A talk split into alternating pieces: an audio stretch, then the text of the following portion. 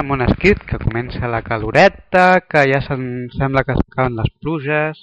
Bé, comencem en Monescrit. I què farem avui a Monescrit? Doncs bé, explorarem, buscarem protagonistes per les nostres històries.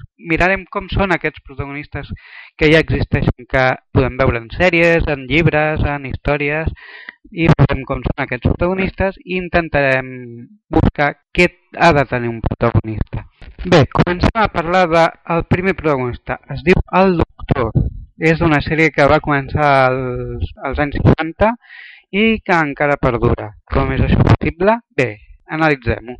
Aquest protagonista és un ésser que ve d'un altre món, que viatja a través del temps, a través d'una cabina, a, través, bueno, a través de l'espai del temps, i és en una cabina blava que és més gran per dintre que per fora. Aquest protagonista és algú que té molt de coneixement científic perquè en el seu món va aprendre molta ciència, però també és una persona molt solitària, molt... que sap molt, que s'atabala molt amb la seva pròpia ment, que hi ha coses que recorda, li agrada parlar, sobretot li agrada molt parlar amb els seus enemics per intentar veure per on van. És un personatge tragicòmic, en el sentit de que el seu món desapareix, es queda sol en l'univers i bé, viatja amb humans com a companys, també viatja amb altres alienígenes, però bàsicament va viatja amb humans, els que considera fascinants i amb qui s'implica, amb qui intenta salvar-los, però d'alguna manera també els manipula perquè facin el que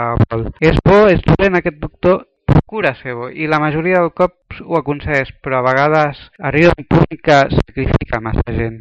No és el típic heroi perfecte i... No, és un heroi amb qualitats i defectes, però que en conjunt la seva actitud fa que sigui el protagonista i fa que salvi el món, que salvi, el, que mantingui la línia de temps com ha de ser. D'alguna manera aquest doctor és humà, perquè no és perfecte. Sí, és molt superior en moltes coses, però també està massa acostumat a la soledat. S'ha quedat en una mena de zona de confort de, de soledat. I a partir de la sèrie Doctor Who va néixer Torchwood, que també té un protagonista bastant així, però bastant més obscur, que té un passat obscur i que de tant en tant surt que és el Jack Harness, i aquest no és un senyor del temps, és un humà que, degut a uns fets relacionats amb la sèrie que no explicarem per evitar spoilers, diguem-ne que no pot morir. Bé, ara parlarem del proper personatge, un científic que fa proves amb una, amb una unitat espacial per intentar accelerar la velocitat fent unes rotacions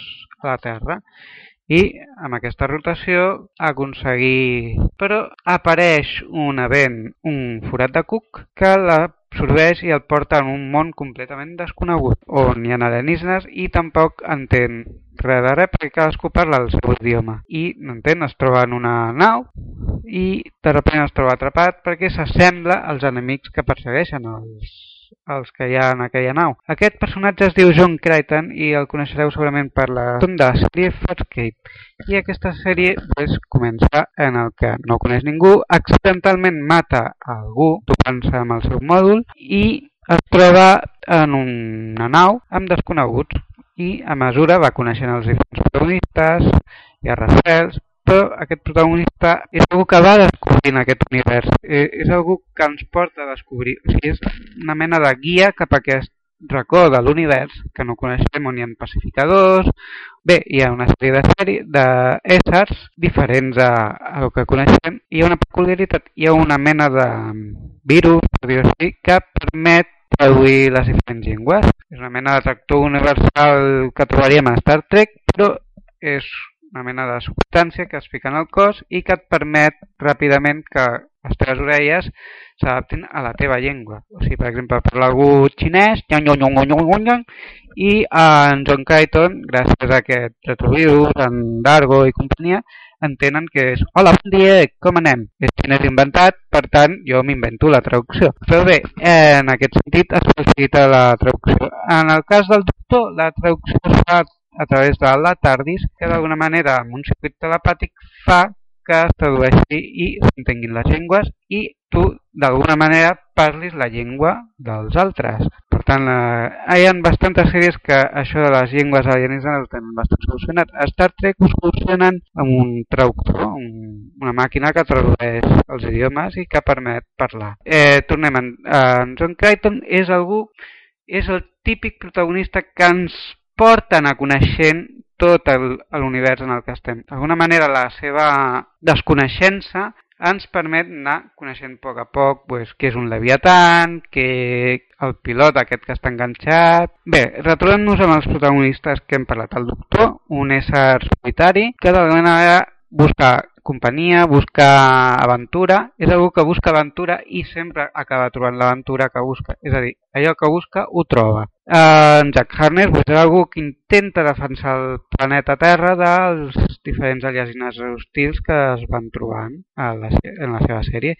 I en John Crichton és el típic personatge guia que ens va anar coneixent. Tornem a altres protagonistes solitaris, com podia ser en Dean Winchester i Sam Winchester, que són solitaris, és a dir, estan només ells dos, Bé, després hi ha gent que ve, desapareix, torna, però ells dos són els protagonistes. És a dir, aquí parlem del vincle familiar i ve a ser una sèrie tipus Cowboy solitari, però amb monstres, a més sobrenaturals, dimonis, antics déus, etc. És, comencen a ser protagonistes d'equip. Parlem ja d'equips pròpiament dit, com podria ser a Star Trek, que fan un equip, cadascú té una funció definida. En el cas de, per exemple, hi ha el científic, hi ha l'explorador, hi ha el doctor, o sigui, el doctor en el sentit de medicina, cadascú té la seva funció i el conjunt fa que hi hagi sí, protagonista.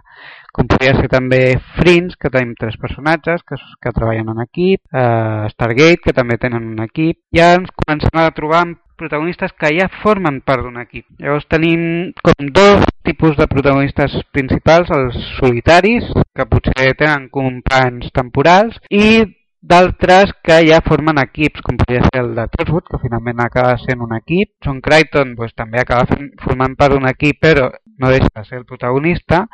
Però, la història gira entorn d'ell i dels coneixements que ha anat adquirint Bé, tenim tot tipus de protagonistes. Tenim el Quixot, que amb Sancho Panza, en la literatura tenim el Mio Cid, que em sembla que va sol, s'ha de recordar.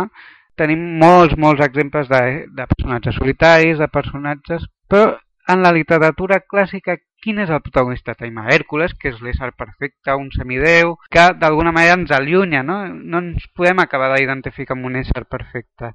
D'alguna manera, com a lectors, com a persones que veiem una sèrie, que, que escoltem una història a través de la ràdio, volem un, necessitem d'alguna manera un protagonista que podem encarnar amb les nostres imperfeccions, amb el nostre desig de fer bé les coses. Per tant, al final hi ha diversos tipus de protagonista, però al cap i a la fi el protagonista que ven, que atrau, és l'imperfecte, el, que, el que pot aprendre, amb el que podem anar descobrint l'univers literari o de sèrie que, que tinguem, que vulguem gaudir. I bé, en un futur programa parlarem dels antagonistes, perquè un protagonista sense un bon antagonista... A qui triaríeu vosaltres de protagonista? No dubteu en dir-nos-ho per les vies de contacte que ja coneixeu. I fins aquí, Món Escrit.